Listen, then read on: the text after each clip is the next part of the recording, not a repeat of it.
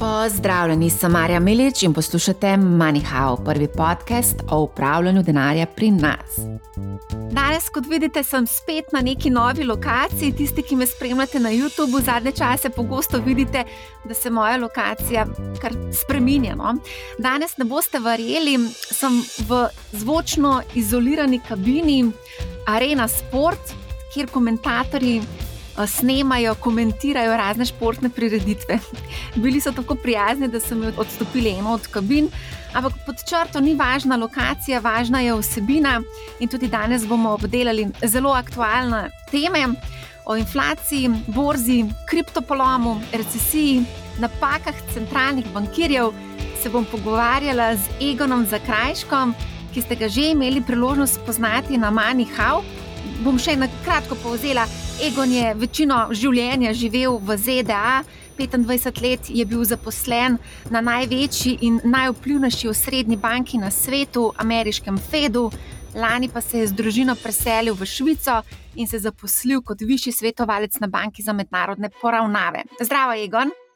Živijo, Marja. Kako si? V redu, v redu. Utrujeno deluje. Utrujeno, ja, ja, ja. Zgleda, da se pripravljamo na nov rodeo, kot bi se temu rekli. no, ja. Od zadnje debate, ko smo imeli v Etru, se je res nabralo kar nekih čudnih situacij. Vse od povišene inflacije, ki se je izkazala, da ni začasna, do serijskega dvigovanja obrestnih mer, vsaj čez lužo je tako v Evropi, temu ne moremo tako reči, pa dejansko do vojne, ko je pestro obdobje je za nami, predvidevam pa, da je tudi pestro obdobje pred nami. Kaj misliš? Sigurno, sigurno. Zdi se mi, da se je, če premislimo, da gremo nazaj, recimo šest, devet mesecev, smo bili vsi nekako koncentrirani bolj na izhod iz pandemije, bil je nekakšen optimizem, da se je z razvojem zdravil, cepitev in rekel, stopnje cepitve med prebivalstvom, ki je dovolj visoka, da se je ta pandemijska uh, COVID pač se nekako, so ga nekako umirili. Gospodarstva, vsa večina velikih gospodarstv so imela, rekel, izredno, so se odbila iz dno, aj tako COVID-a, ekonomska rast je bila izredno močna, trg dela se je stabiliziral, seveda finančni trgi so bili zelo euforični, glede na perspektivo na podporo centralnih bank. Seveda smo, je bilo jasno, da so se cene določenih stvari, da so se dvigale, ampak to so bili, kot bi rekel, relativne cene, kar je bilo normalno, glede na to, da so bile še zmeraj te verige, supply chains, so bile pač malo premešane stvari še niso funkcionirale, ampak bil je nekakšen optimizem in to se je, kako hitro se stvari spremenijo. Smo v situaciji, kjer a, je inflacija v nivojih, na nivojih, ki jih nismo videli desetletja. To so številke, ki jih velike generacije, je, tako, mlajše generacije, jaz se teh, nažalost, se teh številk bistveno bolj spomnim, je, kot, kot pa najbrž tvoji mlajši poslušalci, ampak to je druga zadeva, seveda potem vojna, a, tragična vojna v Ukrajini. Po drugi strani ponovni je tako te variante COVID-a, kot so te subvariante Omikrona, a, spet razsajajo. Tako da nekako zgleda, da prezgodaj smo odpirali šampanc, kot bi se temu reklo. In zdi se mi, zdi se mi da nas čaka, bi rekel, kar, kar neprijetnih in zahtevnih nekaj let. No, vse to bova malce več potem tudi uh, v detajle uh, zanalizirala kasneje. Bi pa rada eno zadevo. Ja, medva sta se pogovarjala aprila lani, takrat dejansko nihče ni predvidel, da bo inflacija taka, kakršna je danes. Ne? Takrat smo govorili o začasni inflaciji. Recimo, včeraj sem gledala Pavla, um, prvega moža centralne ameriške banke Fed, ki je na včerajšnji konferenci o mednarodni vlogi ameriškega dolarja dejal, da je Fed akutno osredotočena, da z ukrepi vrne inflacijo na raven okrog dveh odstotkov. Kako si lahko razlagamo za to retoriko?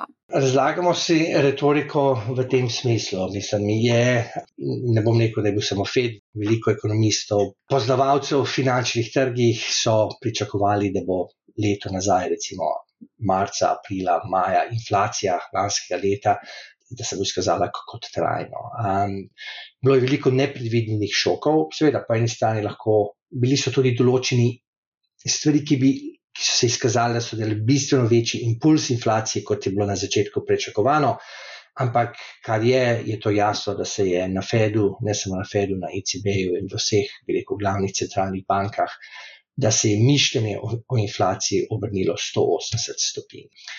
Fed se zaveda, da je pač, bi rekel, nekako, to je bila, bi rekel, nekakšna kalkulirana poteza, strategija, da je pač hotel, bi rekel, zagotoviti čim bolj, čim večji odboj, ekonomski odboj iz dna COVID-a.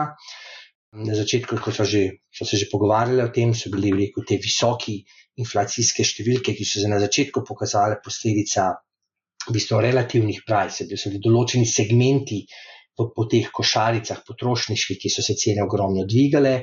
To se je dalo razumeti, to so bile relativni ceni dvige, ampak smo pa sedaj v situaciji, kjer je vzdig cen postal splošen. Vzdiguje se vse, vedno večja je sinhronizacija dviga cen in tega se seveda centralne banke zavedajo in, in seveda tudi vejo, da njihov mandat, nekaj, kar sigurno lahko naredijo, da to inflacijo v bistvu znižajo, da jo privedejo v, spet v nekako v nivo, ki je konsistentna z njihovimi mandati, to je za Fedu tam okoli 2%. In seveda to probajo seveda narediti s tem, da ne bodo pahnili gospodarstvo v recesijo.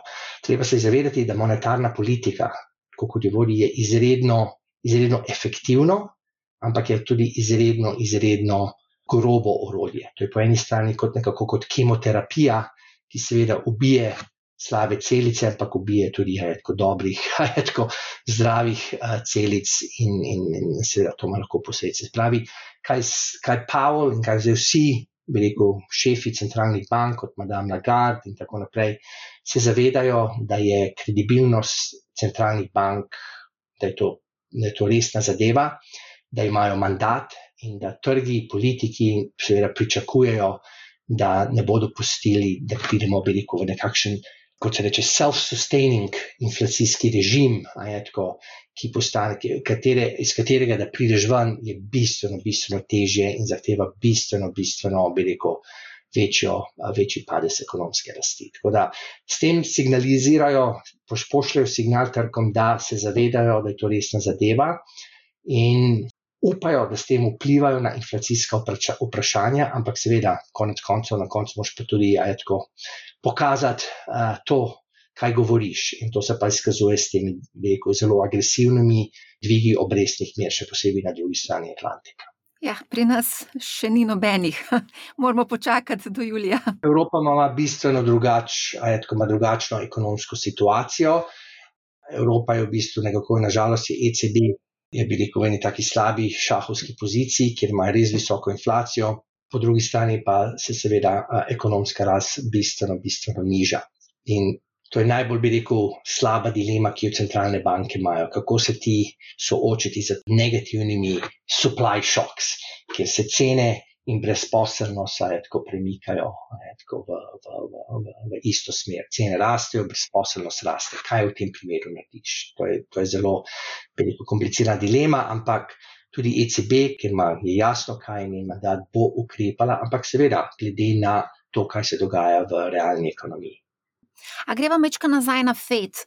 FED je v bistvu na zadnjem zasedanju so dvigali za rekordnih ne, 75 bazičnih točk in sedaj je na razponu od 1,5 do 1,75. Zdi se, da je šlo za neke vrste predjet na večhodnem meniju, če lahko tako rečemo. Nekako tržni udeleženci uračunavajo, da se bo ta agresivna politika eh, še nadaljevala. Do konca leta naj bi se pospela celo na raven okrog 3,25 odstotka in dvigi naj bi se nadaljevali potem vse do naslednjega leta, kako se bodo odzvali ali pa kaj lahko pričakujemo na obvezniških in delniških trgih, če se vsi ti scenariji uresničijo. To verjetno marsikaterega vlagatelja v tem hipu tudi najbolj zanima. Ne? Absolutno, ja. To je veliko dve stvari. Eno je, treba je razločiti, kaj bodo nepričakovani premiki. Kaj so pričakovani premiki, se pravi, kaj investitorji, se pravi, kaj je že nekako upito v današnje cene, kaj je recimo investitorji že pričakujejo, da bo Fed naredil. Se pravi, s tem, da je Fed vzdignil za, kot si rekla, 75 bazičnih točk, je bil najvišji dvig iz, iz zgodnjih 90-ih letih. je jasno, velik del tega je, ki je Fed je seveda za svojo komunikacijo pripomogel, da ta dvig ni bil totalno nepričakovan. En dan pred, uh, pred sestankom odbora, Hajet, ko je bil zelo zanimiv članek v Wall Street Journalu, ki je, ki je nekako začel opisovati, Hajet, ko, o čem se pogovarjajo. To je bilo jasno, je, da je ta članek je bil rekel, plasiran, da se, da se pričakovanja na finančnih trgih nekako je, prilagodijo temu, kar Fed dela. To je, to je jasno. Zdaj tako je, če, če se izkaže, tako, da lahko Fed dela točno, recimo, recimo, gremo konkretno, da ne bo dobenih presenečenj več. To, kar je zdaj v nekako upito v cene kratkoročnih pričakovanih obrostnih mer, se bo dogodilo. Se pravi, Fed bo v bistvu samo potrdil pričakovanja finančnih trgov. To potem po drugi strani nekako ne more imeti že nekakšnega ogromnega vpliva, ker je to pričakovano. Finančni trgi gledajo naprej, se pravi, v določeni meri so te tveganja že upite v cene. Zdaj, kaj potem bo potem pomenilo? Zdaj bo če, če se ta scenarij zgodi, če to zdaj bi rekel, rekel, da je ta varianta se nekako v naslednjem letu, letu in, in pol dogodi, potem bo v delu, potem bodo finančni trgi v bistvu največ reagirali na to, kaj se dogaja v realni ekonomiji, kaj se dogaja s profitom, kaj se dogaja z ekonomsko rastjo in bodo izredno, izredno občutljivi ajatko, na podatke o realni ekonomiji. Ajatko. Po drugi strani, če se pa seveda izkaže, ta inflacijski impuls bistveno bolj trajen, ne, da so se začela, kar že malo mogoče kaže, vzdigovati kratkoročna, srednjeročna inflacijska pričakovanja, da se bo začela dinamika plače, cene, plače, cene, a je tako v tem smislu, bo pa seveda Fed mogel v bistvu tudi popraviti ta pričakovanja in to se potem lahko seveda zgodi, celo do problemi komunikacije, a je tako ti nočeš nekako bi rekel, šokirati finančnih trgov, kam to lahko izredno destabilizira ne samo finančne trge, končno tudi realno gospodarstvo. Se pravi, ta komunikacija, koliko, kako, kdaj, kaj bodo koraki, kako visoki bodo koraki, sequencing teh je najbolj, bi rekel, zahtevna strategija, kaj jo, kaj jo sedaj vodi. In to bo, treba se zavedati, da, to, da, da je Fed kot sama Fed reče, da so data dependent, to pomeni, da bodo gledali in reagirali na podatke in kaj so prognoze na bazi teh podatkov. Bi rekel, veliko, veliko negotovosti je, kako se bo monetarna politika odvijala v srednje in kratkoročnem času. In seveda, finančni trgi nimajo radi negotovosti, tako da nekaj te negotovosti se izkaže kot višene, tako premije tvegan, ampak je pa jasno, da bi rekel, tako imenovani zelo rizični finančni inštrumenti, tako, in cene padajo. Cene padajo iz čist, čisto normalnega oblike, zato ker je njihova diskontna vrednost, ki je diskontirana po višjih obrestnih merah, bistveno, bistveno manjša. Kaj mene najbolj skrbi, je to, da se Fed zdaj hoče nekako prideti, hoče se postaviti pred, tako. Hoče se nekako hoče neko anticipirati in postati, je dovolj agrivna in upa, da mogoče z nekaj agresivnimi vzdigi obrestnih meh, nekako pride, kot se reče, ahead of the curve. To je upanje. Če pride, bo seveda v redu, če ne, ne, potem se pa lahko stvari bistveno zapletajo. In seveda govorimo potem o ne samo o finančnih trgih, govorimo tudi o realni ekonomiji. Pri visokih obrestnih merah seveda cene nepremičnin, gradba, se pravi, deli ekonomije, ki so izredno vezani na obrestne mere, ki so zelo občutljivi na, na, na male premike v dolgoročnih obrestnih mer, že seveda padajo. Če to se potem prelije v bolj globoko recesijo, bo se tudi to negativno vplivalo na finančne trge. Zdaj, ko omenjaš, da v bistvu centralni bankiri so pozorni na podatke, na statistike in napovedi, ampak če pogledamo, te napovedi se res stalno spreminjajo. Od vseh možnih inštitucij, ki jih dobivamo, ja. se res, zdaj se pa res, prav, kot bi bili v tekmi, kdo bo bolj dramatičen in kdo bo seveda zadevne. Na tak način, v tak občutek imam, ko to spremljam. Ja, veš, to je en dober izraz v angleščini. Forecasting is hard, forecasting future is even harder. ja, veš, ljudje se, mislim, veš, kot, jaz kot profesionalni ekonomist, ki se s tem ukvarjam leta in leta in pišem članke, ja, tako in tako naprej. Veš, ljudje ne razumejo, da bi rekel, naša možnost, da napovemo, kaj se bo recimo dogajalo z BDP-jem, rastjo BDP-ja, kvartal, ena, dva, tri kvartale vnaprej, je izredno, izredno, izredno šipka. Za, govorimo, govorimo, govorimo o pol leta nazaj. Rečemo, ok, statistično je boljš, kot pa da mečemo kocko. Ko greš pa enkrat naprej, na štiri kvartale, nažalost, tako je.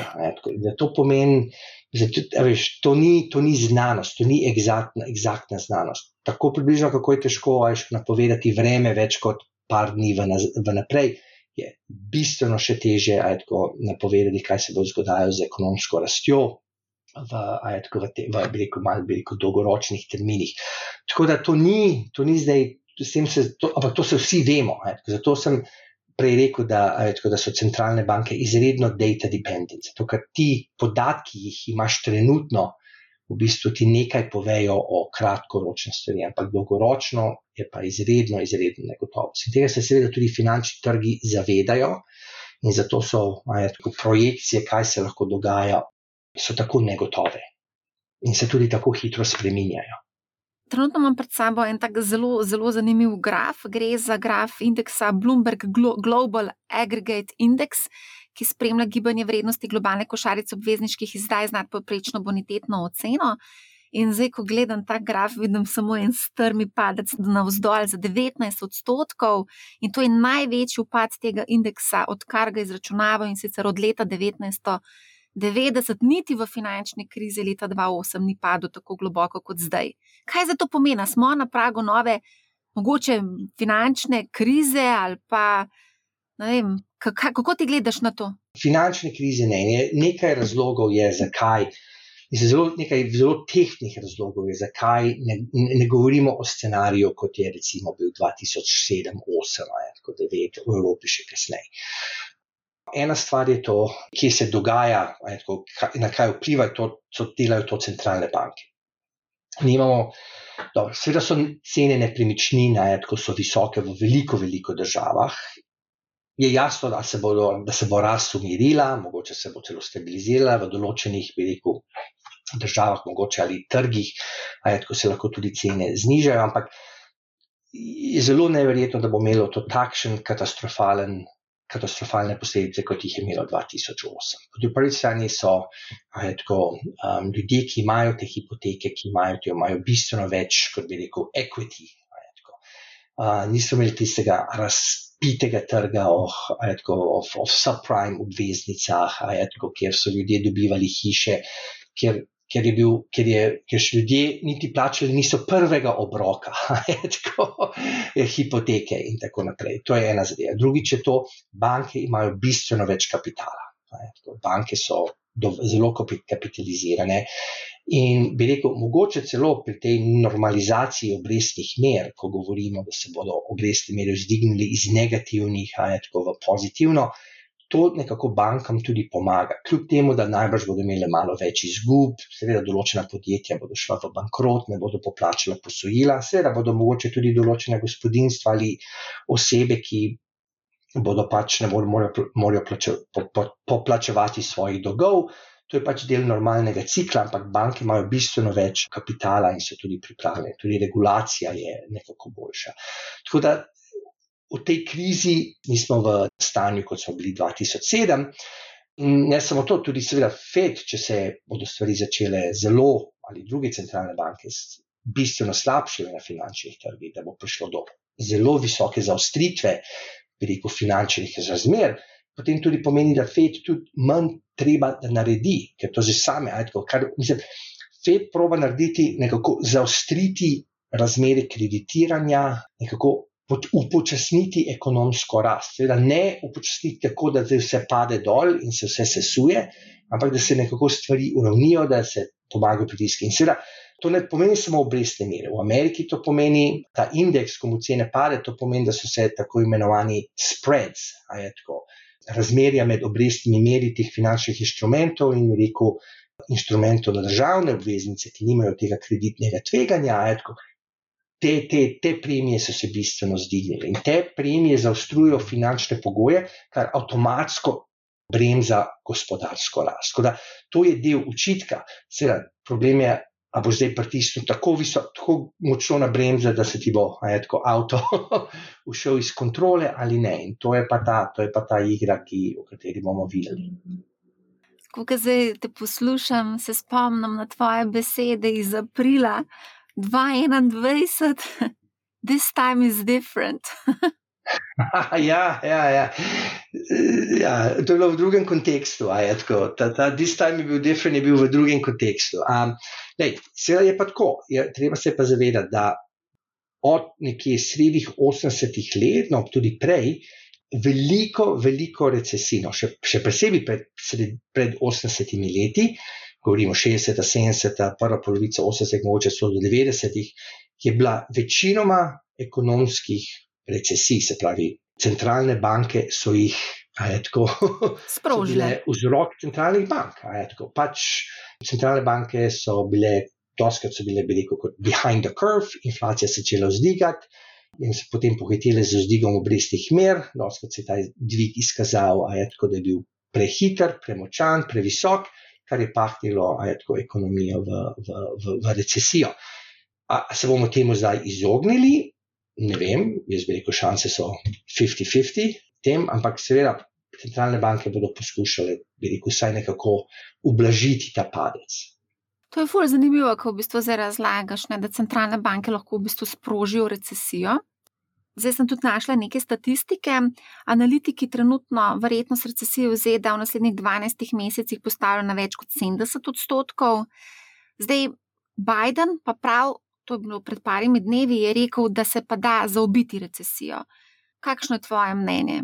Pa recimo, mogoče tukaj lahko izpostavim še en res ekstrem. JP Morgan, maja 40-odstotna verjetnost nastanka recesije, uh, junija 85.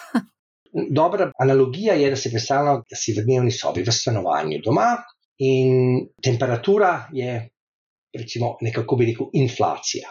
Pravi, visoka temperatura pomeni visoka inflacija. In seveda zdaj vprašanje je, ti imaš termostat, ki bi ga rad kontroliral, da bi zdaj temperaturo znižal. Zdaj, kaj centralne banke delajo? Trenutno, če gledamo, kje je monetarna politika, še nismo izključili toplote in prešaltali na air conditioning, dodajamo samo manj toplote. Zato, če pogledaš realne obrestne mere, še posebej, če glede na inflacijo, so izredno negativne. Realne obrestne mere morajo postati ne negativne, v bistvu vsaj pozitivne, da nekako začnejo zavirati gospodarsko rast. Se pravi, zdaj, ko se pravi, ti centralne banke trenutno zmanjšajo temperaturo topline, a bodo kdaj preklopile, da bodo začele mrzlo zrak, ajed, ko pumpati v stanovanje. Ja, jaz sem prepričan, da ga nekako morajo. Pri tej inflacijski dinamiki, ki se, ki se, izka, ki se trenutno izkaže, tako še posebej v ZDA, kjer je jasno, da je, ekonoms, da je gospodarstvo pregreto, tako, ker se ima ogromni fiskal, tako, fiskalni impuls a, po pandemiji, a, se mi zdi, tlele bodo zelo, zelo, zelo težko. Bo samo znižati, ne več dodajati topline, Zdaj se mi, da bodo mogli nekako preklopiti in dodajati mrzlo zrak, kar pomeni, da je velika verjetnost, da se nekdo prehladi. Se pravi, ta prehlad je potem zdaj recesija in vemo, če ameriško gospodarstvo dobi prehlad in kihne, potem z nas bo let tudi celo, tako celo a, svetovno gospodarstvo. Tako da jaz bi rekel, da trenutno moje osebne ocene so, da obstajajo, obstaja možnost, da, da, da nekako varno pristanemo, brez bi rekel, sigurno se bo brezposelnost zvišala, sigurno se bo ekonomska rast bistveno tako umirila, sigurno bodo določeni tržni segmenti, kot so. Tako nepremičnine, gradbeništvo, pa to, ki stvari, ki so izredno občutljive na obrestne mere, to bo izredno, izredno zabremza. Zdaj vprašanje je, ali bo to dovolj, tako, da se pahne vse. In jaz bi rekel, te, teh verjetnosti noben ne ve, tako pošteno povedano. To so ocene, ki se razlikujejo, ampak jaz bi rekel, da so šanse, da bomo imeli, kot se reče, soft landing, so slabše od 50%. To je moje osebno mnenje, ampak ja, ja, se lahko zgodi, seveda se lahko zgodi. Ne bom rekel, da so šanse nič. Ja, tukaj so mnenja zelo, zelo, zelo deljena, na tudi pogosto, vse bolj pogosto se govori o tem hard landingu. Pa, lahko poveš, recimo, kako bo to izgledalo v praksi, kaj to pomeni, če bo treščal? Če bo treščal. To pomeni, jaz bi rekel, scenarij, ki je rekel, slab scenarij, ki se ga noben ne želi in, in si ga, sigurno si ga vsi probajo, a je tako nekako izo, iz, izogniti je to, da, da začnemo, da bi rekel, dve, dva potrebna pogoja sta, ki, ki bo ta naredila, bi rekel, to, da, da, da bomo slab scenarij, tak hard landing. Eno je to, da bomo začeli, da se začnejo dobivati podatki, mislim, resni podatki, da, je, da so se inf, kratko, srednjeročna inflacijska pričakovanja se, so zadvije, se že zdigujejo, se pravi, ljudje bodo pričakovali naprej višjo inflacijo, kar pomeni, da se bodo hoteli vnaprej zavarovati proti temu, da jim kupna, realna kupna moč ne pade, kar pomeni, da bodo zahtevali, če bo le mogoče, bistveno više plače, da se zavarujejo pred tem pacom, kar pomeni, da se bodo profitne marže podjetij s tem zvišenimi stroški dela se pač zmanjšajo, kar pomeni, da bodo potem podjetja probala te više stroške preliti v više cene in začne z to špiralo. To potrebujemo, ko enkrat prideš v tem, veš, to je potem nekako pridemo iz enega režima. Mi, mi smo živeli 30 let v režimu, ki je bila inflacija, jaz temu rečem, nekako nekakšen background noise. Ljudje, inflacijo nisi upošteval, ko si se odločeval o svojih realnih odločitvah. Ne mi dva kot osebe, ki so računala, a dava denar v to, ali bo kupila nepremičnino, ali kupiva avto, ne podjetja, ki so se odločila, da zgradimo tovarno, bla, bla, bla, investiramo v to. In govori, smo bili v enem stabilnem inflacijskem obdobju in temu mi, ekonomisti, rečemo, temu se reče rational inattention. To je bila racionalna.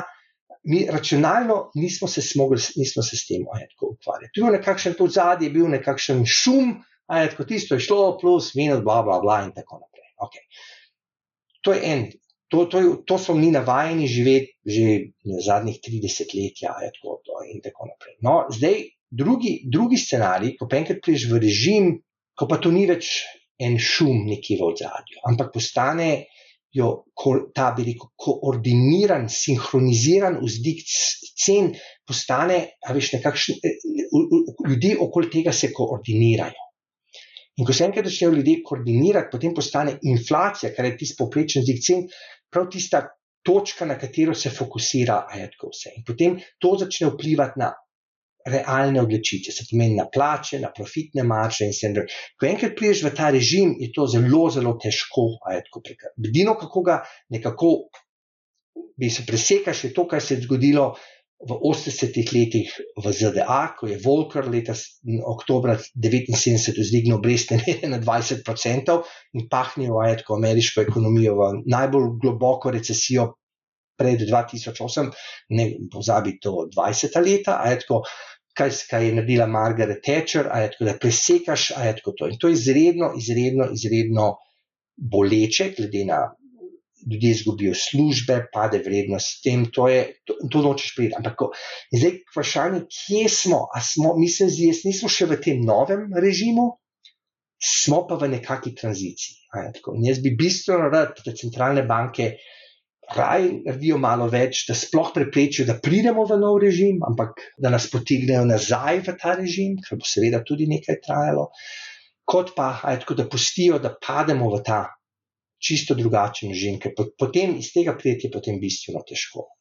A bomo iz retorike Feda vedeli, recimo, če bi Fed nas želel nekako pahati v recesijo, a bomo to iz retorike vedeli ali nas bo to šokiralo? Malo ljudi mislijo, da, da centralni bankiri nekako sedijo okoli, uh, kako je fajn narediti recesijo. Ne, to je tragična zadeva, ampak treba se vedeti, da je monetarna politika izredno grobo, grobo orodje. To je orodje, ki po eni strani bivši guverner, tako moj, moj kolega, s katerim sem pisal članke, Jeremy Stein, ki je bil guverner, je imel super izraz, ki pravi: Monetary policy, it gets in all the cracks. Se pravi, viš, gre v vse, posod, posod pride noter. Ampak to je pa tudi problem, ker je, viš, kot poliješ vodo, posod priteče voda not. Ampak to je izredno, izredno grobo orodje. Je izredno efektivno, ampak tem. Se pravi, Fed bo kot ECB, kot vse centralne banke, tako, bodo, bodo probale znižati inflacijo, prijeti nazaj v ta, bi rekel, dober režim, ki smo ga navajeni, ki ga centralne banke garantirajo, celo po zakonu ga morajo garantirati. In to bodo poskus, poskušali narediti po, po rekel, najnižji ceni, glede na brezposelnost in tako naprej. In, in, tle, in tle se je treba zavedati, se pravi, da vse centralne banke bodo izredno data dependent. Gledali, kaj se bodo dogajale, probali bodo, probali bodo komunicirati z finančnimi trgi, da so čim manj, bi rekel, takih stresnih tako, dogodkov, ki lahko pahnejo finančne cene, zelo navzdol, zdignejo premije tveganje in, in, in imajo negativne posledice. Ampak sem pa prepričan, ampak sem pa sto procentov prepričan, da bodo naredili vse, kar je potrebno, da vrnejo ekonomijo v ta dobri režim, ker to morajo narediti, ker to z zakonom so tudi določeni. Zdaj, ali to lahko naredijo tako z minimalnimi, bi rekel, negativnimi ukrepi, ala in vera. Če pa ne, bo pa lahko znati tudi zelo boleče. Ja, centralni bankiri so zdaj v bistvu že priznali, da so naredili napako, da so v bistvu podcenjevali inflacijo. Absolutno. Da... Ja. Podcenjevali so inflacijo, a je tako. Zdaj, seveda, ljudje pravijo, ja, ampak treba se nekaj zavedati, a je tako. Podcenjevali so v tem smislu, Ja, izkazala se je tako, bistveno bolj trajna in bistveno bolj razširjena. Ampak se je zgodil, da je tako šoki, ki so bili totalno nepredvideni. Zdaj, to je tako, kot da moš reči, da ja, je zdaj, zdaj fair, da J. Powell ni vedel, da bo Putin tako, napadel Ukrajino. Sorry, ok, žal mi je, ne morem reči. Ja. Sigurno, ko so obstajali scenariji, glede na to, kako je bil ta fiskalni impuls velik v Ameriki, in tako naprej, da bi bilo mogoče zelo pametno začeti umikati monetarnost, eh, začeti mislim, z manj monetarno stimulativnosti bistveno prej. To bi jim pomagalo. Ampak to je, it's a judgment call. Seveda, zdaj po bitki smo vsi generali. Ne branim zdaj centralnih bankirjev, kot da je tako, ne. Ja, bila je napaka, mislim, seveda je bila, ampak ta napaka je ex post, ne ex ante. Zdaj se zdaj probojajo komunicirati in reči, okay, kaj se iz te napake naučimo, tako, kaj lahko naredimo, kako nekaj naredimo. To je neexaktna zadeva, ja, je komplicirano in, in je, in je seveda, je žalostno. To sem pripričan, ali sem sedel na ne vem koliko sestankih odbora v Washingtonu in stuff like that. Ljudje, to, to, ni, to, to ni igra, to ni igra, res ni igra. Mi se, mi se tam prekleto, prekleto dobro zavedali da vsaka odločitev pomeni delovna mesta, da pomeni, ali ljudje dobijo hipoteko ali ne dobijo hipoteke, ali izgubijo službo, ali si lahko privoščijo in eh, upokojitev in te stvari. Ampak vemo, da v dolgoročnem, dolgoročnem smislu ekonomski sistem, ki ima, bi rekel, kjer inflacija, kjer, kjer je to ni samo tisti, bi rekel, šum v ozadju, je bistveno slab za vse. S tem se zdaj, tem se zdaj soočamo. A zdaj si rekel, da je tako cilj centralnih bankirjev, da nekako stabilizirajo to inflacijo oziroma znižajo inflacijo. Kako pa ta državni, recimo, temu intervencionizem z regulacijo cen uh, pogonskih goriv, pa tudi nekje hrane, kako pa to v bistvu vpliva na vse skupaj?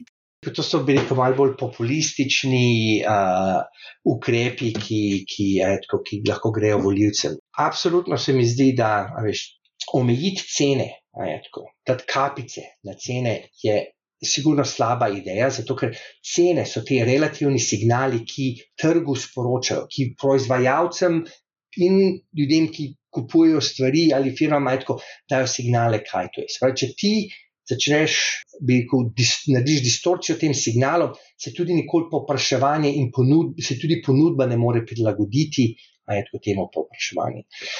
To pa tudi pomeni, da mora zdaj vlada vzdigniti roke in reči: Sorry, we can't do anything, lazy fair. Absolutno ne.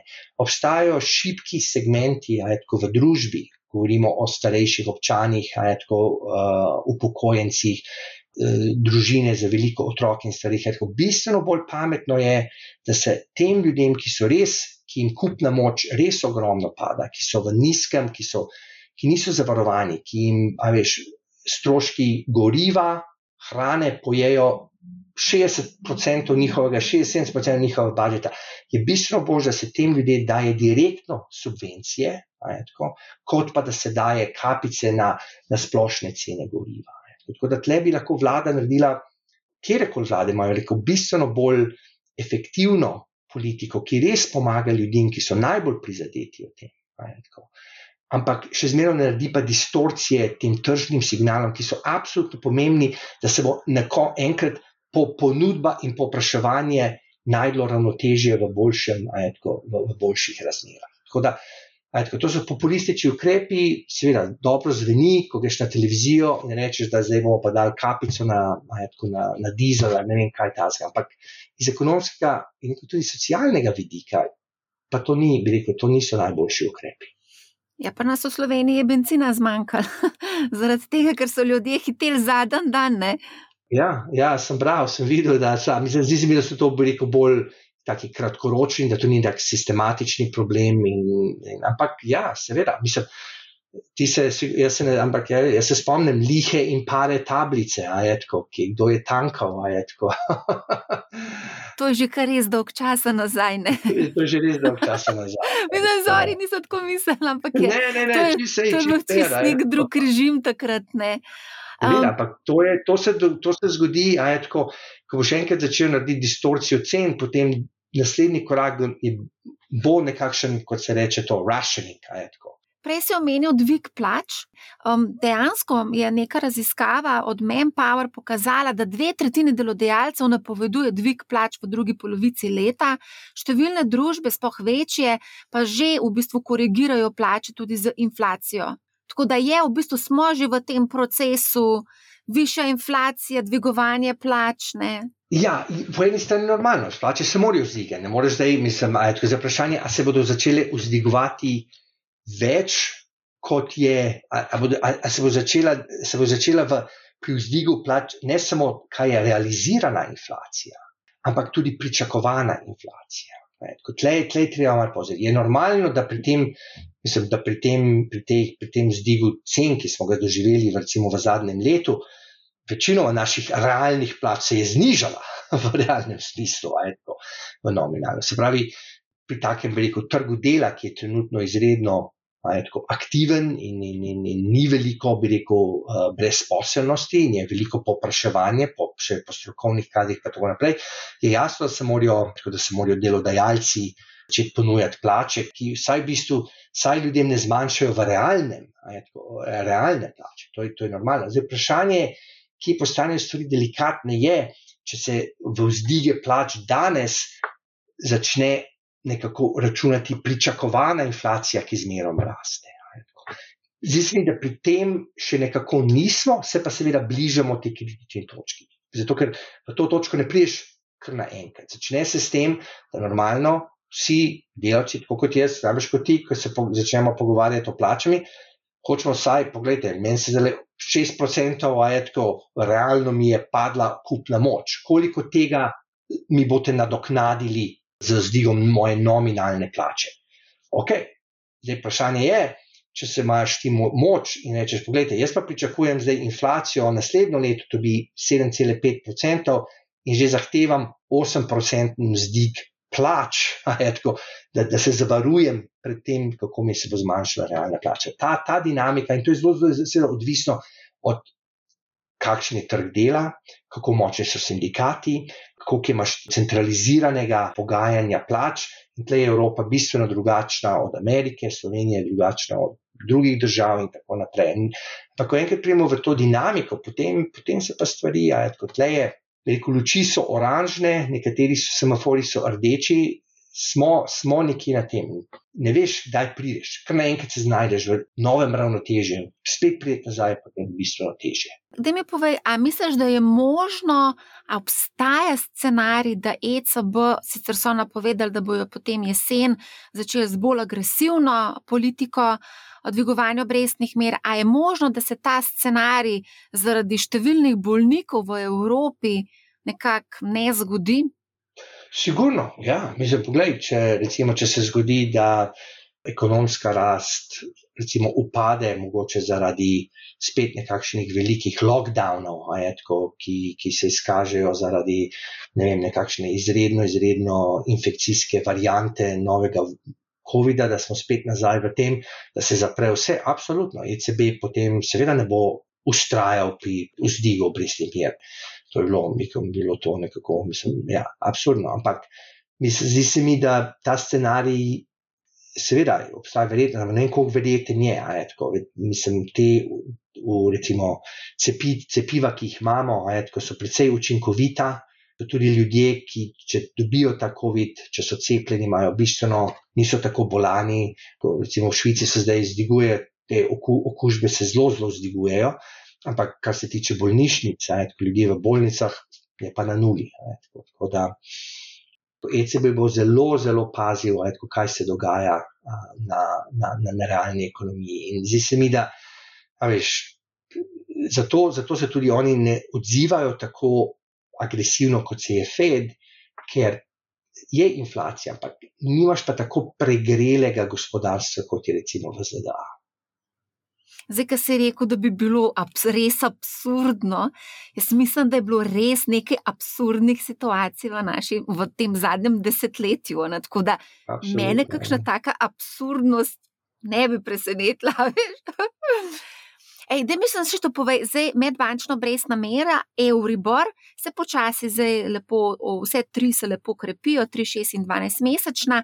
Kakšna je verjetnost, da pridemo do 5 odstotne v recimo 12 mesečnem, 24 mesečnem roku, tako kot je bilo pred recimo desetletjem? Misliš, evropske, evropske? Ne, ne, ne, ne. mislim, da so to izredno, izredno. Ne, ne, ne, ne, ne.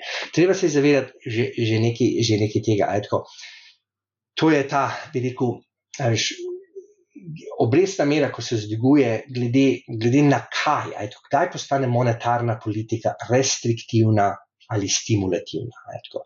To ni, uh, in ta, glede na to, neutralna obrestna mera, ki jo seveda, da samo ocen z modeli, z ekonometrijo, statistiko, ajto, je pa ogromno, ogromno dela, to je zelo negotova ocena, ampak kaj se ve, da se ta, bi rekel, neutralna obrestna mera ko si enkrat na tej obrestni meri, je monetarna politika je nestimulativna in nerestriktivna, neutralna je v tem smislu, je bistveno, bistveno nižja danes, kot je bila je tako 20-30 let nazaj, ko smo se soočali z istimi inflacijskimi učinki. Tako da pričakovati, da se bodo kratkoročne obrestne mere vzdignile na nivo, ki je predvladoval v 90-ih ali 80-ih letih, ko so se centralne banke borile s to inflacijo. In to, to, to sploh ni absolutno ne, zato ker je ta neutralna obrestna mera.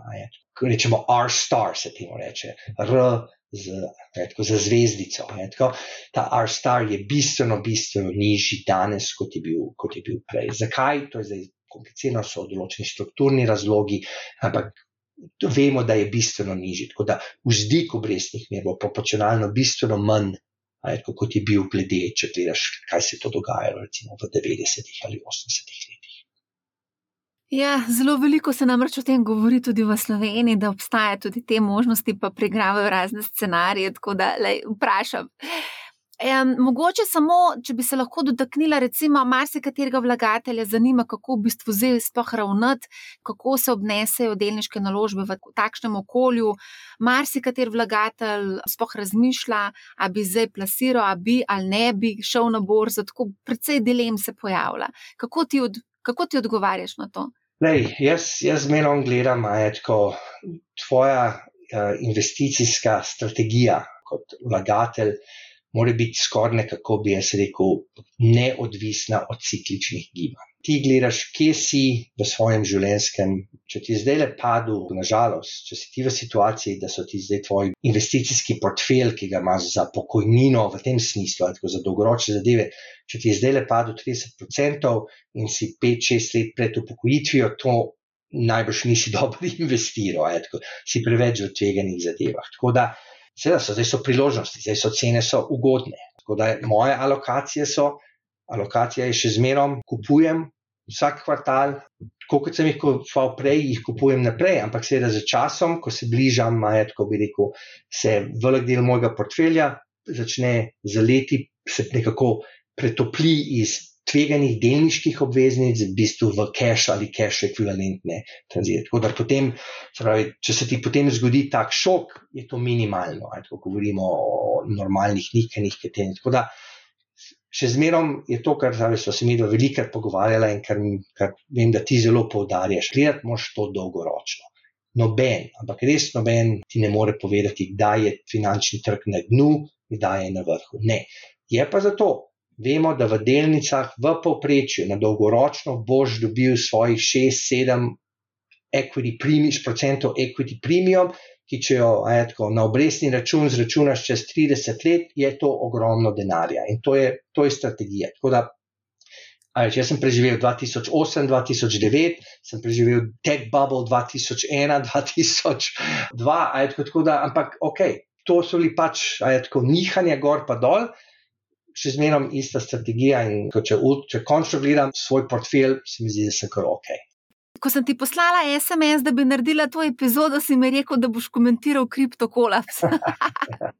Ne, zakaj? Te ni, se ni kaj za, mislim, mislim za komentirati. Jaz sem bil že najbrž skozi veš, precej skeptičen, kaj se glede na kripto in zdi se mi, da se mal, ja, hate to say, I was right, ampak nažalost ja, je, to je bil izredno spekulativen, a je tako balon in zdaj se, mislim, res pač se izkaže, a je tako, da je, da so tle bili v tem trgu zelo problematične in, investicije in da bodo ljudje izgubili veliko denarja. Določeni ljudje bodo izgubili veliko denarja. Kaj sem hotel izpostaviti, je to, kar se mi zdi, bi rekel, je veliko ljudi je, ko je o kripto govorilo, o Bitcoinu, ko so govorili, da je to, you know, it's an inflation hedge, da je to investicija, ker ni kontroliran centralni bankirski denar, da je to, da je limited supply in tako naprej, da je to, a veš, proti temu, da je to izkazalo, da je to dobro proti inflaciji. Zdi se mi, da se, če se kaj izkazali, je to, da so kriptovalute najslabši hedge proti inflaciji, kar si lahko predstavljamo. To je ena zadeva. In druga zadeva, kaj je za tem rekel, za, za propadom Terra Luna, za to, kar se je zgodilo s Celsius, a je tako za temi Celsius, a kaj je že tako, ki je suspendiral vse te, je tako, da ne morejo več vzeti denarja ven. To je tipičen. To je, to je bank run, to je klasičen, klasičen bank run, ki smo ga videli, ki je neskončno krat v zgodovini. To je ena zadeva. Po drugi strani, kaj se je pa tudi izkazalo, je to, to je to je pa malo bolj, tako rekel, bolj nuansna varianta, je to, da vidiš, kako je potreben central bank money. Tako, kaj kripto išče, teh deset tisoč kovancov, ki trenutno plasirajo na teh trgih, iščejo, kot se reče, nominal, uh, nominalno silo, nominal anchor. In edini, edini, ki lahko da ta, ta to nominalno sindor, je, kot mi rečemo, central bank money. Se pravi, kar se je izkazalo, je, da če, če če central bank money ne bi obstajal, bi, biti izumen, bi, bi ga mogli izumiti, da nekako zasidamo. Tako da tle, tle se mi zdi, tle bo pa še kar, kar nekaj časa kaosa in zdi se mi, da ljudje, se, ki so investirali na to, se morajo pripraviti na divje čase divje čase, divje čase na borzi, divje čase v kriptu, divje čase na nepremičninskem trgu, vsaj v Ameriki. V centralnih bankah, da tako tako je. Ja, tako da nas čakajo divje čase, mogoče samo za konec, da zaključiva res divje. Geopolitične napetosti imamo kar nekaj zdaj res vročih žarišč. Kitajska, Tajvan, Rusija, Ukrajina. To je še bistveno bolj negativno vpliva. To zdiguje nezaupanje, to bistveno komplicira tako, te disrupcije v našem izredno integriranem globalnem ekonomskem sistemu. Da sploh ne govorimo o veliko teh klasičnih učinkih, kot so tako, surovine, nafta, tako, v tem. A, tako da geopolitična situacija, to napetost, Kitajska, ZD, Kitajska, Evropa, Rusija. To ne bo se zdaj rešil do konca poletja, daleč tega, zdi se mi, da govorimo vsaj vsaj nekaj let bistveno, bistveno zaostrene geopolitične situacije, kar seveda negativno vpliva na premije tveganja, zaupanje investitorjev.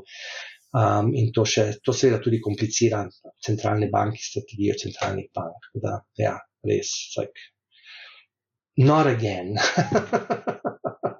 Zdaj gremo na počitnice, poletne počitnice, ki pridemo nazaj, jesen, kaj nas čaka. Če bi vedel, ah, kaj nas čaka, bi rekel, um, ne, ne, meni se zdi dve stvari bi tako izpostavil, kjer se stvari lahko komplicirajo. Eno je to, da to, kar se izpostavlja malo prej v začetku, da če se spet, če spet prijema nekakšne variante tega virusa, ki bo začel bil izredno okužen, mogoče celo manj nekako te cepitve, pa te ostata zdravila bodo manj učinkovita. To me zelo skrbi, to je ta zadeva, um, da smo spet lahko neki v kakšnih lockdownih ali mogoče ne taki ekstremni situaciji, kot smo bili, ja, tako dvema uh, letoma, ampak sigurno to ne bo pomagalo, to je ena zadeva. In pa pol seveda, kaj se bo dogajalo z energijo v Evropi, glede na razmere uh, rusko. Uh, Rusija, vojna, tako, a bo ta uvoz energentov, plina, nafte. To zna biti izredno, izredno, bi rekel, komplicirane zadeve, še posebej, če Rusi takrat bodo imeli bistveno večjo moč in bodo lahko začeli pritiskati, kar pomeni, da se potem to bo imelo pa res tudi zelo slabe gospodarske a, posledice, še posebej za Evropo, a, ki je trenutno še zmeraj odvisna in bi rekel, do zime ni govora, a, tako, da se bo nekako rešila tega, tega, rekel, a, tega ruskega vpliva. Tako da tle se stvari zelo, zelo lahko komplicirajo in to me, to me skrbi. Kako ne zdaj zaključiti tako negativno? imamo kar res, kar cel kup enih takih zadev. Je, tako da, ja, več razlogov je za skrb, kot pa za veselje. Čeprav naš premijer pravi, da ljudje plešajo na ulicah. Ne vem, kje se naš premijer zadržuje, ampak jaz mislim, da vse več ljudi bolj stoji na črpalkah in čaka na gorivo. In v trgovinah se sprašujejo, kako bojo plačevali za jesti vsi. Ja, ja. Kako bodo plačevali račune elektrike, plina, kurilnega olja, tako, še posebej, če se izkaže, da je mrzla zima, tako, in Rusi izredno, bi rekel, začnejo to izkoriščati svoje strateške interese, to lahko potem zelo, zelo neprijetno. Ego, najlepša hvala za super debato. Zelo vesela sem, da lahko malo po tvojih možganih tako lepo brskamo. Ja. Žal mi je, da sem, tako, žal mi je, da sem črni krokar, ki tako, nimam dobenih dobrih, kako bi se rekel, takih pozitivnih misli. Ampak mislim, da za nekaj časa moramo biti kar se moramo kar zavedati, da, da, stvari, da so stvari delikatne in da bo, da bo to.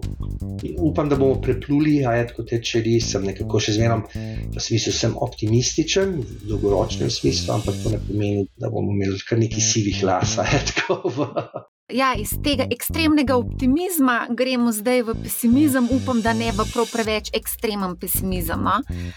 Upam, da bomo situacijo vseeno nekako rešili. Vedno se je nekako rešil, ne? upam, da ne bo res uničeni črni scenarij. Najlepša hvala za debato, hvala, da si se nam javil iz Švice. ja, super, Marja, lepo je bilo srečno in upam, da se spet kaj sliša. Če imate kakršno koli vprašanje, mi prosim pišite na marja afna mani-how.si ali preko katerega od družbenih omrežij. Poslušajte manihau, ne bo vam žal in lep pozdrav!